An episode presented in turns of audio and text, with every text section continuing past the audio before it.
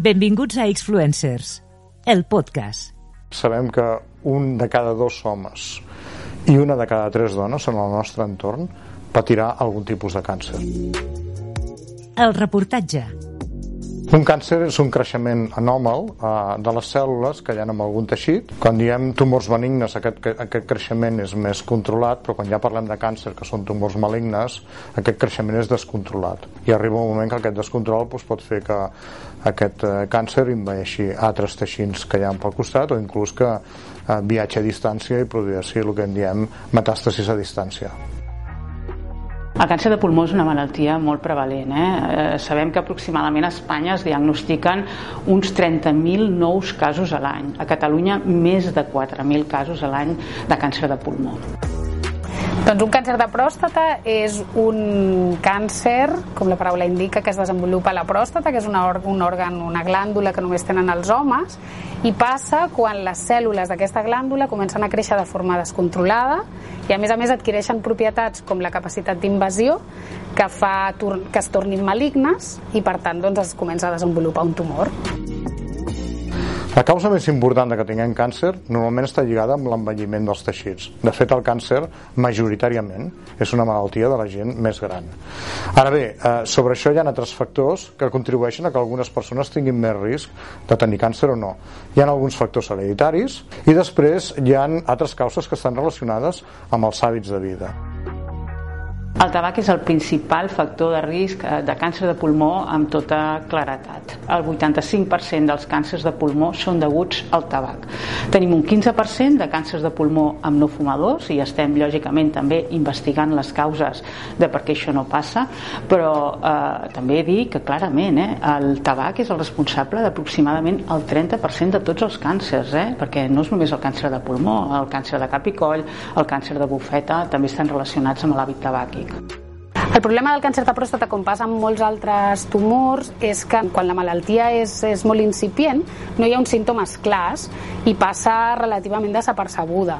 Quan la, quan la malaltia ja és molt avançada, sí que llavors pots començar a notar altres tipus de sintomatologia, doncs com una pèrdua de pes acusada o com malaltia als ossos, o sigui, com dolor als ossos um, de forma local, uh, malaltia renal, altres coses una mica més severes. A nivell mèdic podem dir que estem controlant el càncer. De la mateixa manera que hem dit que la incidència de càncer continua augmentant, la supervivència, de manera irrefutable en els últims anys, en els últims 20 anys, està augmentant clarament. Eh, recordem que fa 30 anys eh, només el 30%, 30 de malalts sobrevivien del càncer. Avui en dia aquestes xifres estan molt a la vora del 65%. I amb alguns tumors, com per exemple el càncer de mama, és el 90%. Però evidentment hem de lluitar més, per entendre millor la malaltia, comprendre-la millor, diagnosticar-la millor eh, i tractar-la millor, i això és el que fem. El paper del, de les infermeres i dels infermers eh, és molt important perquè la infermera és l'acompanyament des de l'inici que el pacient rep el diagnòstic fins al final de la vida, passant per tots els processos. Inicis de tractament, cirurgia, radioteràpia, quimioteràpia, és la persona que els acompanya a ell i a la seva família durant tot el procés. Sempre n'hi ha una infermera present. Normalment sempre n'hi ha incertesa i por. Sí que és cert que eh, ara, per sort, L'oncologia és un tema que sempre està a la boca de tothom i han avançat molt, moltíssim tot el que és el diagnòstic, el tractament, la cirurgia, amb la qual l'esperança de vida i la qualitat de vida d'aquests pacients ha millorat moltíssim. Però encara i així, un diagnòstic de càncer és un cop molt dur pel pacient i per la família.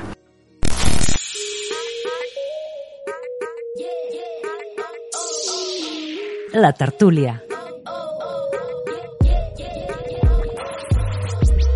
Bon dia. Aprofitant que el 4 de febrer se celebra el Dia Mundial contra el Càncer, aquesta setmana hem volgut aprofundir més en el tema sota el guiatge dels influencers per veure quina és la situació actual del càncer a Catalunya i els nous avenços en aquest àmbit. A la tertúlia d'avui ens acompanyen eh, la doctora Enriqueta Felip, que és cap de secció del Servei d'Oncologia Mèdica de l'Hospital Vall d'Hebron i responsable de la unitat de tumors toràcics i càncer de cap i coll del Vall d'Hebron, Institut d'Oncologia Bio. Anna Santamaria, eh, doctora Anna Santamaria, coordinadora de l'àrea d'Oncologia i, del, i cap del grup de recerca biomèdica en urologia del Vall d'Hebron, Institut de Recerca, BIR, la senyora Isabel Magallón, infermera i supervisora de l'àrea ambulatòria d'Oncologia de l'Hospital Vallebron i per últim el doctor Josep Tabernero, cap del Servei d'Oncologia Mèdica de l'Hospital Universitari Vallebron de Barcelona, director del BIO i responsable de la unitat de recerca de teràpia molecular del càncer al mateix hospital. Moltíssimes gràcies per estar aquesta, aquest matí amb nosaltres i si us sembla comencem la conversa parlant sobre aspectes generals perquè tothom entengui del que estem parlant. I aquí sí que obro la pregunta a qui vosaltres eh, vulgueu contestar, doncs eh, la pregunta què és el càncer, quins són els càncers més perillosos o més greus, hi ha una persona més propensa a patir càncer? Són tres preguntes que... Molt bé, si, si us sembla, començo jo i, i, i jo crec que hi ha altres persones que també poden uh, professionals que poden intervindre. De fet, el càncer, la primera pregunta, no? Què és? Què és? El càncer és un creixement uh, desorganitzat uh, de les cèl·lules d'un teixit. Uh, normalment els teixits uh, tenen una, un autocontrol molt bo de si han de créixer o no han de créixer, s'han de renovar, però en algun moment determinat, eh, per diferents circumstàncies, eh, un teixit pot començar a créixer d'una forma desorganitzada i això és el que forma uh, un càncer. Uh, clar, cada tipus de càncer um, té particularitats diferents uh, de si hi ha tumors que són més benignes, hi ha tumors que són més malignes, però en principi um, el concepte és aquest, no? un creixement desorganitzat que inicialment pot ser uh, més local, um, afectant el, el lloc on apareix, i eh, a vegades doncs, quan els teixits eh, creixen més poden fer metàstasis que és un creixement um, a distància, no? amb nòduls que, metastàsics que, que fa la malaltia. És difícil dir quins són els més perillosos o més greus, encara que sempre venen al cap tumors que o bé perquè es diagnostiquen tardament o bé perquè les alternatives terapèutiques doncs, a vegades no, no són tan bones, eh, que tenen un pitjor pronòstic, no? I, i, i parlem en general, no? però per exemple el càncer de pàncreas normalment es diagnostica en una fase més avançada, eh, els tumors cerebrals pels llocs, pel lloc on es localitzen, que és una caixa tancada, que és el cervell, doncs, també en general tenen un pronòstic eh, més, eh, més greu. Uh, la doctora Felip potser podrà parlar més endavant, però hi ha alguns tipus de càncer de pulmó que també tenen uh, un pronòstic um, més, més sever, encara que aquesta malaltia ha millorat molt. Um, I aquests són un dels exemples, no tots, però un dels exemples en els quals encara um, estem fent molta investigació per poder tenir millors diagnòstics, diagnòstics més precoços i uh, millors tractaments. Clar, i la pregunta clàssica, no? Um, qui uh, té més risc de patir un càncer? A veure, hi ha un component, en alguns casos, eh, de risc hereditari. Eh? I això es situa al voltant del 7%, 8% dels tumors. Eh? És una mica variable en cada tipus de tumor. És a dir, eh, eh, persones que puguin tenir una herència d'una càrrega genètica eh, d'alteracions genètiques que predisposen a tenir un càncer amb més o menys eh, a freqüència. Això és, eh, és una cosa que s'ha de tindre sempre en compte i ho tenim en compte i per això hi ha unitats d'alt risc de càncer o de càncer hereditari en tots els serveis d'oncologia, però sí que és veritat que um, la majoria dels tumors estan lligats més a l'envelliment, a l'edat, perquè no recordem que majoritàriament el càncer és una malaltia de, de l'edat adulta, d'edat més avançada, encara que evidentment hi ha tumors eh, pediàtrics, tumors de l'adolescència, tumors de l'adult jove, però majoritàriament, numèricament, és més una, una malaltia de l'edat avançada. I aquí sí que tenen molta importància, i cada vegada ho sabem més, els, um, els hàbits de, de vida. No? Um, I per això insistim tant en intentar previndre tots els càncers que es poden previndre. No? Els hàbits de vida saludables, que estem recomanant sempre, no? com l'extensió del tabac, la disminució de la, de la, de d'alcohol, el fer una dieta equilibrada, baixa en greixos, baixa en greixos eh, rica en fibra, eh, el, evitar les radiacions ultravioletes al màxim, eh, combatir l'obesitat, fer exercici, i després, que aquestes mesures que hem dit fins ara, eh, són pràcticament a cost zero, són mesures educatives. No? Després hi ha unes mesures que tenen cost, no? com per exemple tot el programa de vacunacions contra els virus que ja coneixem que, són, que poden produir càncer. No? Exemples més clars, eh, el virus de l'hepatitis B, amb el programa de vacunacions i del papilomavirus. No? I per últim, ens queda um, tècniques que fem servir per fer diagnòstic precoç de la malaltia. Ja no tant prevenció, sinó diagnòstic precoç de la malaltia, doncs com el programa de mamografies en càncer de mama, el programa de sang oculta FEMTA per, per prevenir el càncer colorectal i les visites ginecològiques amb la dona en edat adulta per, um, per uh, previndre uh, o diagnosticar precoçment tumors ginecològics. No? Clar, pensem que si tot això ho féssim bé, eh, que costa molt fer-ho tot bé, però si ho féssim bé evitaríem el 45% dels tumors que tenim avui en dia. I això és un percentatge extremadament alt.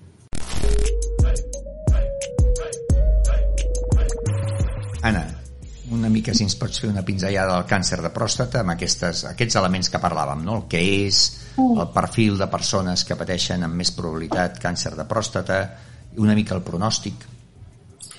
Sí, el càncer de pròstata és, de fet, el tercer en incidència si contem els dos sexes, però si contem, si només tenim en compte els homes, de fet és el, el càncer de pròstata amb, amb major, ai, el càncer amb major incidència.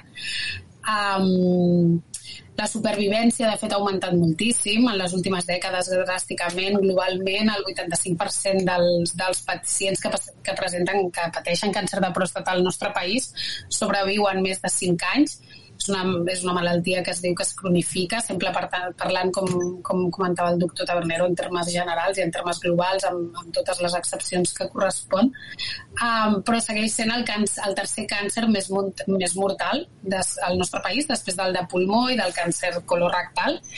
Um, per tant, encara el fa un, un, un tumor doncs, doncs, que, cal, que cal seguir estudiant. Pel que comentàveu sobre els perfils que són més, més propicis, per dir-ho d'alguna manera, o que poden tenir més risc de, de patir-lo, com deia el doctor Tabernero, l'edat és un factor crucial perquè és un, és un tumor de, de, relacionat amb l'edat avançada, en la majoria dels casos. I és veritat que la distribució, la variació en la incidència és molt gran, depèn de la zona geogràfica. Els, eh, els afroamericans, per exemple, tenen incidències molt altes comparat amb els blancs americans o els asiàtics tenen incidències molt baixes i encara no entenem ben bé per què passa això, s'està estudiant i en el cas del càncer de pròstata, doncs, a, a, a banda dels factors que comentava el doctor Tabernero, la, una, una, una bona condició física en tots els casos, l'edat, el tabac, etc, el, el factor genètic també juga un paper en, en un percentatge dels casos que ronda com, com, el, com, com el doctor Tabernero deia, en global, en el cas de pròstata també ronda al voltant del, de l'entre 8 i el, i el 10%. En aquest cas, la majoria de, de d'efecte genètic està relacionat amb gens, amb un grup de gens que estan implicats en, en el dany de reparació al, a l'ADN, que és el, el material genètic eh, que tenim dintre de les cèl·lules i són, són, són mutacions en general en, en els gens BRCA que se'n diuen BRCA1 o altres gens d'aquesta maquinària doncs els que, els que estan més relacionats com a factors genètics al, a, a la malaltia. Enriqueta, et tocaria el torn eh, per parlar de pulmó, perquè sempre és un dels càncers més freqüents, eh, els seus factors de risc, el seu pronòstic, com va evolucionant. Bueno, el càncer de pulmó és un eh, tumor molt freqüent tant en homes com en dones. No? Realment és el tercer en incidència en homes, però també en dones, i això és una situació relativament nova. Fa poc era el quart en dones, en aquests moments és el tercer degut a que pues, eh, la incorporació de les dones en l'hàbit tabàquic. No? Aproximadament a Catalunya es diagnostiquen cada any 4.500 nous casos de càncer de pulmó. Eh? Per tant, bueno, és una malaltia freqüent eh, tenim un clar factor de risc eh, aquí, que és el tabac. El 85% dels càncers de pulmó estan relacionats amb el tabac. Per tant, una malaltia prevenible amb un percentatge important dels casos. Eh? Eh, hem, hem fet molts avanços, ho ha comentat el, el doctor Taberner en els últims anys. Eh? El, el paradigma del tractament del càncer de pulmó és el tractament multidisciplinar no? de diferents eh, especialitats. No? Hem millorat en els últims temps eh, tot el que són els processos diagnòstics, de tractament de cirurgia, eh, també de la teràpia, eh, però a més eh, en aquests moments sabem que no tot el càncer de pulmó és igual, d'acord? Tenim que fer anàlisis per determinar els diferents subgrups de càncer de pulmó que tractarem de forma diferenciada. Uh, per tant, aquí també hi un abans. Sí que és veritat que encara la gran majoria dels pacients els diagnostiquem amb malaltia avançada. Eh? Bueno, estem analitzant quin és el paper del possible diagnòstic precoç no? en privat en càncer de pulmó, en persones fumadores, no? però encara és veritat que, que, que estem diagnosticant aproximadament el 50% dels casos amb malaltia metastàsica. Però realment hi ha hagut uns avanços molt importants en els últims eh, anys una mica també la malaltia avançada amb tot el que és els tractaments individualitzats, tractaments de previsió, no? donar el tractament adequat a cada persona en funció del perfil, no? i també el que és tots els tractaments immunitaris. Però tenim molta feina a fer encara amb tot el que és la prevenció. Isabel, el paper d'infermeria, les infermeres, infermers, dins de l'àrea d'oncologia? Per què sou tan essencials? Eh, col·loquialment sempre es diu que les infermeres són les que estem més en contacte amb el pacient, però sí que és veritat que en general eh, participem de manera activa en tot el procés d'atenció i cura i totes les etapes de la malaltia, de les persones a les que atenem. Llavors, cuidem centrar-nos en les persones i en la família, des de, com dit, des de la promoció de la salut, eh, fomentant els hàbits saludables, la prevenció i la detecció del càncer, la participació en els tractaments, la detecció i maneig de la sintomatologia i sobretot en el suport emocional i, i social. Estem presents en totes les etapes per les que travessa un pacient amb càncer. Llavors, el càncer és un conjunt de malalties eh, molt complexes i nosaltres és això, sempre estem eh, presents des de la fase que podem dir aguda, vale? sinó també l'etapa final de la vida, la de cronicitat, la dels llars supervivents, del que ara estem parlant molt, i eh, conjuntament a tots els avenços que n'hi ha contínuament en l'oncologia i la necessitat d'un suport i acompanyament especial, doncs per això creiem que les infermeres en principi hem de tenir eh, i tenim un paper important en tot aquest procés. Eh, tenim coneixements, tenim competències específiques d'oncologia i, bueno, i al final tot això redunda en una bona qualitat i seguretat assistencial i en una major supervivència en general dels pacients. Abans el doctor Tavernero, el Josep, també ens deia home, si fem les coses bé, que és molt difícil fer-les bé, podem reduir, si no recordo malament, donaves un tant per cent del 45% no? de, de càncer, no? si fem totes aquestes coses bé, de, de prevenció, de, també de promoció de la salut i a la vegada també de diagnòstic precoç. Però una pregunta que també es fa moltíssima gent. Eh, veieu eh, un futur on es pugui erradicar el càncer? I això ja va molt relacionat amb tot el que fa eh, referència a la recerca. No? Però veieu aquest futur? Bé, si, si, si vols començo jo. Um, a veure, veiem un futur en el qual curarem més el càncer, amb, amb molts malalts, cronificarem més la malaltia amb altres malalts i um, evitarem un percentatge important de tumors. O sigui, el futur hi és. Ara, pensar que és una malaltia que desapareixerà, um, jo crec que no ho podem pensar-ho. Uh, no ho podem pensar-ho perquè majoritàriament, com dèiem, el càncer està lligat a l'envelliment i la població doncs, cada vegada envelleix més. Uh, el qual és bo. Eh? Vol dir que el, que el nivell de sobrevida del nostre entorn i d'altres entorns doncs és, és molt favorable. No? Però clar, a la batalla del càncer jo crec que mica en mica l'anem guanyant i de fet això no, no és el futur, és el present. No?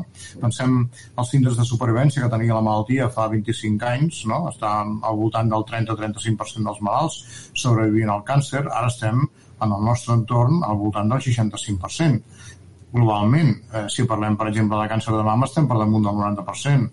Eh, val a dir que les mitjanes de supervivència en el nostre entorn estan per damunt de les mitjanes eh, europees i americanes, no? el qual pues, eh, indica que, en general, eh, les coses es fan prou bé. Es podrien fer millor sempre, però també hi ha una responsabilitat eh, jo crec, de la societat i, i, de, i de la ciutadania de manera individual i de manera col·lectiva. Potser um, és veritat que insistim, insistim cada vegada més en la prevenció tant perquè potser la prevenció eh, és una assignatura pendent eh, de tots, eh? no, no, no particularment de l'entorn sanitari, sinó també de, la, de tot l'entorn d'educació, moltes vegades d'accions en publicitat, etc. No? Vull dir que això ens hauríem d'aprendre potser com a societat eh, d'una manera eh, més, eh, més, eh, més important. Ara, eh, dit això, hi ha tumors que per molt que fem hàbits de vida saludable,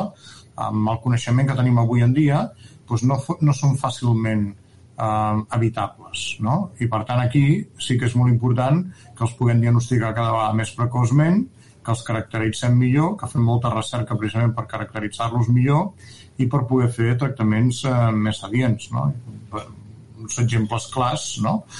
eh, doncs són el, el càncer de mama, el càncer de pròstata, que són freqüents en, el, en els homes i les dones, um, per molt hàbit de vida saludable que fem, um, hi ha un factor intrínsec um, que um, fa que els teixits um, tinguin tendència a transformar-se, que són els, les pròpies hormones del, de l'organisme. No? I aquí doncs, sí que hi ha un altre tipus d'investigació que és molt important. No?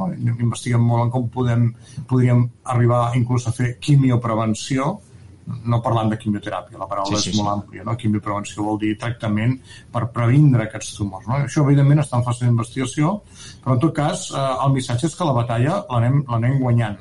Però no perquè desapareixi la malaltia, que en alguns tumors podran desaparèixer, però amb els que no pot desaparèixer, que cada vegada tinguem més supervivència, eh, més malalts curats, eh, més malalts eh, llars supervivents, també ens fixem molt cada vegada més en les seqüeles dels tractaments pels llars supervivents. Um, i, i jo crec que el missatge és positiu sense cap dubte perquè ja ho veiem ja ho veiem que, que l'evolució sigui bona i de fet la Unió Europea el que s'ha proposat en un termini de 10 anys doncs és que la, la supervivència passi del 70% eh, que això jo crec que és, que és, um, que és aconseguible però inclús s'ha posat una dada més dura, amb 10 anys, que jo crec que no és conseguible, però hauríem de lluitar per ella, que és que disminuís un 30% la incidència de tumors gràcies a totes les mesures de prevenció. Ara, una pregunta tant per l'Anna com l'Enriqueta i també l'Isabel. Els principals reptes de recerca que teniu ara eh, entre mans, no? relacionat amb el càncer, i també quines són les línies d'investigació més prometedores que porteu tant a Bio com a Vir? A veure, jo penso que les línies de recerca en aquests moments ja més fonamentals amb càncer és, eh, bueno, aquests pacients que ja s'han operat, no?, o que han fet un tractament radical, no?, i intentar identificar aquells que progressaran, no?, el que estem treballant una mica amb la malaltia que diem mínima residual, intentar identificar aquests pacients que tenen més risc de respirar, no?, després d'un tractament curatiu, no?, aquesta seria una de les línies L'altra línia ho hem comentat, els tumors no són iguals. Hem parlat de càncer de pulmó, però hem parlat, això passa amb tots els tumors i cada vegada necessitem més identificar aquests subgrups de tumors, no? que normalment estan identificats des d'un punt de vista molecular, fer anàlisis no? del tumor per trobar eh, els trets que són eh, diferencials i que els puguem tractar diferent amb un tractament dirigit. No? I també, bueno, aquests tractaments dirigits a vegades eh, creen resistències, no? I estem treballant també en identificar les resistències dels fàrmacs, no? Per poder fer tractaments seqüencials i codificar aquests casos que no podem curar, no? I, bueno, i la immunoteràpia, no? La immunoteràpia ha revolucionat, jo crec, el tractament dels pacients amb càncer, però també tenim que saber exactament no? Quins tipus d'immunoteràpia tenim que aplicar a cada persona eh, individual. No? O sigui, bueno, aquests serien alguns dels reptes, en tenim molts, un petit comentari, jo crec que um, estem focalitzats molt en millors eines diagnòstiques. Nosaltres estem treballant molt, com deia l'Enriqueta, amb la biòpsia líquida, perquè és, un, és un, una manera de diagnosticar molt, molt evolutiva uh, i poc cruenta uh, les alteracions que van uh, tenir els uh, tumors de manera dinàmica. I com deia també l'Enriqueta, uh, la immunoteràpia ha arribat per quedar-se, però malauradament, de moment, la immunoteràpia només serveix per aquells tumors que en diem calents, és a dir, tumors que el sistema immune ja ja havia reconegut la malaltia com a algo a evitar i que per múltiples motius, eh, diferents motius, aquest sistema immune s'ha quedat adormit i per tant l'únic que hem de fer és despertar-lo. Aquests són els medicaments que tenim avui en dia ja disponibles. No? Però de l'altre 75% dels tumors, que són els tumors freds, els tumors que el sistema immune encara no ha reconegut que la malaltia és, és quelcom a eliminar i per tant aquí el que estem fent és explorant eh, molts eh, tipus d'estratègies diferents i tractaments diferents que el que fan és intentar educar el sistema immune perquè entengui que la malaltia eh, és algo dolent i, i per tant eh, s'ha d'eliminar no? i jo crec que aquesta serà una de les revolucions en els propers eh, 10 anys Clar, i moltes vegades la gent pregunta ah, i això vol dir que la immunoteràpia substituirà tot el que tenim, eh, acabarem amb la quimio? Home, és difícil de dir això. Jo crec que una de les avantatges que ha tingut el càncer el tractament del càncer és el integrar cada vegada més tractaments i millors però integrar-los, no eliminar uns per altres. Tenim malalties, per exemple, com el càncer de testicle o tumors germinals que tenen amb la quimioteràpia un percentatge de curació de, de més del 97%, um, és difícil que puguem substituir la quimioteràpia per un tractament uh, uh, que, que sigui tan bo. No? Però en canvi amb altres malalties, com hem comentat abans, en els quals pues, uh, el pronòstic era molt dolent, com el melanoma, com el càncer de ronyó, com el, alguns càncers de pulmó, entre altres, la immunoteràpia que tenim fins ara ha sigut una gran revolució, no? I, més, i més que hi haurà. El, el Josep i l'Enriqueta han descrit en general quins són els paradigmes en el cas del càncer de pròstata. Està clar que la millora del diagnòstic és un, és un dels reptes en recerca que, que cal o que, que estem abordant per afegir, per no repetir el que ells han dit, doncs jo crec que en, en, el, en el cas concret del càncer de pròstata almenys també s'està avançant molt en, en el que es diu la, el, els processos de vigilància activa, que és intentar doncs, eh, veure si som capaços de discriminar aquells tumors que són clínicament significatius, d'aquells que no, es vind, no esdevindran rellevants des del punt de vista clínic, tot i ser un tumor, és a dir, que creiem que per les seves característiques no seran letals i, per tant, d'alguna manera s'estan obrint cada vegada més programes eh, en els hospitals on es, podi, es puguin incloure pacients en, en, en això, en el que es diu pròpiament vigilància activa, és a dir, en, en una vigilància exhaustiva i continuada i periòdica dels pacients sense sotmetre'ls a tractaments agressius, eh, perquè potser és que realment no cal. Potser, potser realment no cal fer-ne més perquè no els suposa un, un, un perjudici a aquests pacients, sempre tenint en compte que aquests pacients, eh, doncs, evidentment, si hi ha un canvi, poden sortir d'aquest circuit i poden entrar llavors en, en, en altres circuits de tractament com són la quimioteràpia, com són la, la deprivació hormonal en el cas del, del càncer de pròstata, etc.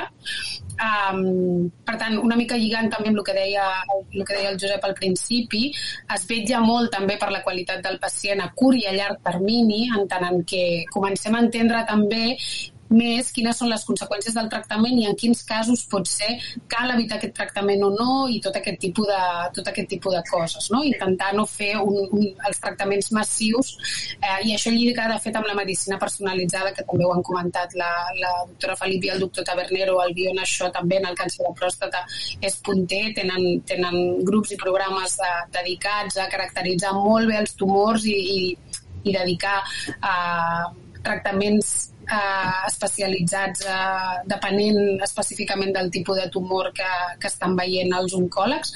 I crec que també destacaria el, el pas a la intel·ligència artificial i a l'ús de la imatge almenys en el càncer de pròstata és una de les línies que seguim més des de la part d'urologia amb, amb col·laboració amb els oncòlegs. Crec que, crec que els algoritmes d'intel·ligència artificial on estem incorporant moltes dades d'imatge, a més de moltes dades genòmiques, ens ajudaran doncs, tant a diagnosticar millor i abans i a predir, de fet, la resposta als tractaments d'aquests tumors. Són, són dues de les coses que podria afegir el que la doctora Felip i el doctor Tabernero han explicat. Gràcies, Anna. Isabel. Bueno, a nivell d'infermeria sí que és veritat que nosaltres participem dintre de tots els procediments, recollida de dades del que són els assajos clínics. Però sí que tenim com infermeres una assignatura pendent, que és la investigació en cures infermeres i això sí que és veritat que, que hem de començar a treballar tot aquest tema perquè també és important. Eh, cures infermeres i qualitat de vida del pacient. I això és el que tenim pendent. hi ha un tema que no el podem defugir, nosaltres estem al mig d'una pandèmia, no? que ha monopolitzat pràcticament doncs, tota l'activitat, estic exagerant, però realment ha monopolitzat bona part de l'activitat assistencial, ha monopolitzat també bona part dels recursos que es poden abocar en tots els nivells assistencials, de l'atenció primària, als hospitals, i per tant, eh, un dels titulars d'aquesta setmana eh, parlen dels malalts de càncer que no s'han diagnosticat durant la pandèmia i en aquí jo sí et demanaria, doctor Tabernero i Josep, doncs que ens puguis una mica donar el context d'aquesta situació, no? de què estem parlant i com pot afectar aquest retard a l'evolució de la seva malaltia. Bé, aquest és un tema important, com el d'altres malalties um, que, que hi ha, perquè el fet que hi hagi hagut el Covid-19 no vol dir que les altres malalties desapareixin, excepte la grip, que amb la grip han sigut molt satisfactòries aquest any, eliminant-la del mapa amb la mascareta. Sí que és veritat que ara ja coneixem totes les dades del, del 2020 i les hem comparat amb les del 2019. Um, globalment, um, a Catalunya, uh, hem tingut un 12% menys de diagnòstics de, de càncer el 2020 que el, respectivament, respecte al 2019. Bé, s'ha de matitzar que els primers dos mesos de la pandèmia, dos mesos i escaig, eh, març, abril i començaments de maig, el diagnòstic de casos de càncer va, va caure eh, molt perquè es van parar tots els programes de screening um, i també perquè eh, els que no estaven associats a, a, als programes de screening eh, hem de tindre en compte pues, que els hospitals pues, pràcticament el 60-70% de l'activitat que feien era atendre malalts Covid, no? en aquell moment um, de, de, de catàstrofe, no? per dir-ho d'alguna manera. Ara, i en aquell moment, sobretot el mes de març i abril, el diagnòstic de casos de càncer va caure al voltant del 37%. Ara, de la mateixa manera, ens vam recuperar Uh, en el nostre entorn, a més, es van facilitar totes les cirurgies abans de començar l'estiu, és a dir, que tota l'activitat quirúrgica es va recuperar i després la segona onada i la tercera onada, afortunadament, fins ara, i toquem fusta, no hem hagut de, no hem hagut de paralitzar o cancel·lar ni activitat quirúrgica programada ni diagnòstic programat. I sí que és veritat que dels programes de screening eh, hem, hem començat a recuperar i, de fet, clar, ara estem diagnosticant més casos, eh, eh, no solament el 2021, sinó a finals del 2020, dels que el diagnosticàvem el 2019. És a dir, que hem recuperat. No? I això, a veure, per la majoria dels tumors, especialment aquells que es diagnostiquen en, en programes de, de screening no és una gran alteració.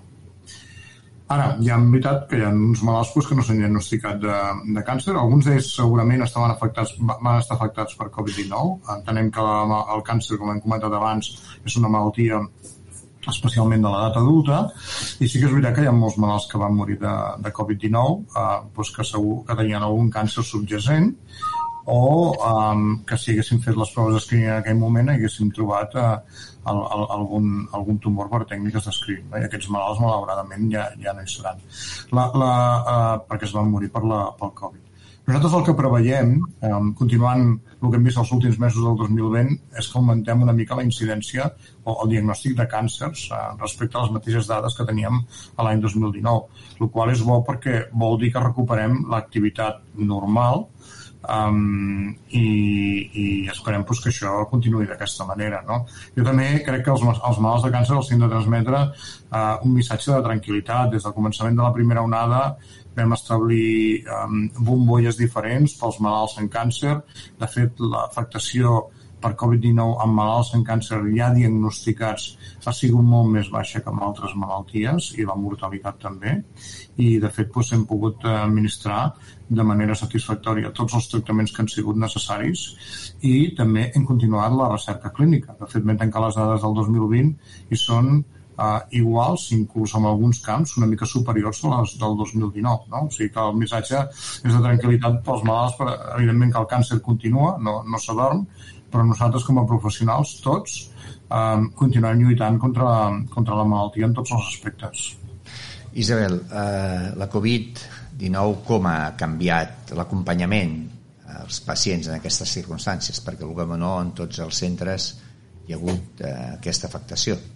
Eh, la veritat és que mm, l'acompanyament que es fa als pacients oncològics sempre és molt important per part de tots els professionals i ara tot això eh, ens ha fet que, per una banda, la necessitat de protegir-los als pacients i també a nosaltres mateixos i la necessitat de mantenir una atenció de qualitat, sí que és veritat que ha fet que, eh, en certa manera, aguditzem una miqueta l'ingeni, perquè hem hagut de reorganitzar estructures, espais, circuits d'atenció, eh, reorganitzar la feina dels professionals, de tots, des dels administratius, els farmacèutics, els metges, tot l'equip d'infermeria, celadors, eh, infermeres, auxiliars.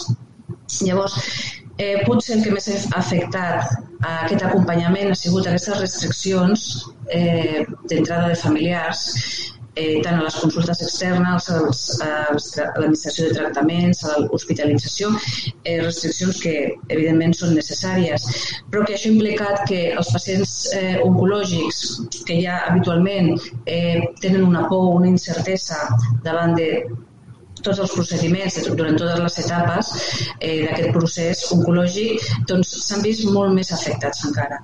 Llavors, aquí, doncs, com he dit abans, ens hem hagut de reinventar i jo crec que a nivell hospitalari tots els professionals eh, hem intentat solucionar-ho de la millor manera possible.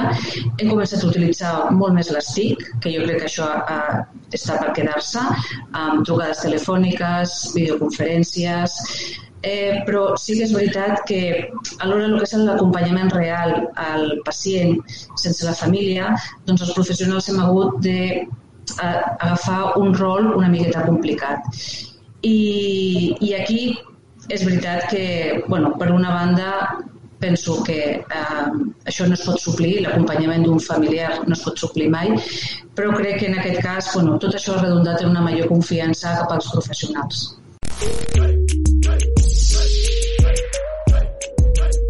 Missatge donaríeu a la ciutadania que us està escoltant? Bueno, jo, com ja tinc el micròfon, eh, jo crec que, resumint, crec que tenim un sistema de salut eh, molt bo, eh, malgrat totes les actuals circumstàncies i jo crec que eh, els usuaris de la sanitat han de confiar en el nostre sistema de salut que com s'ha vist eh, estem posat tot el que podem.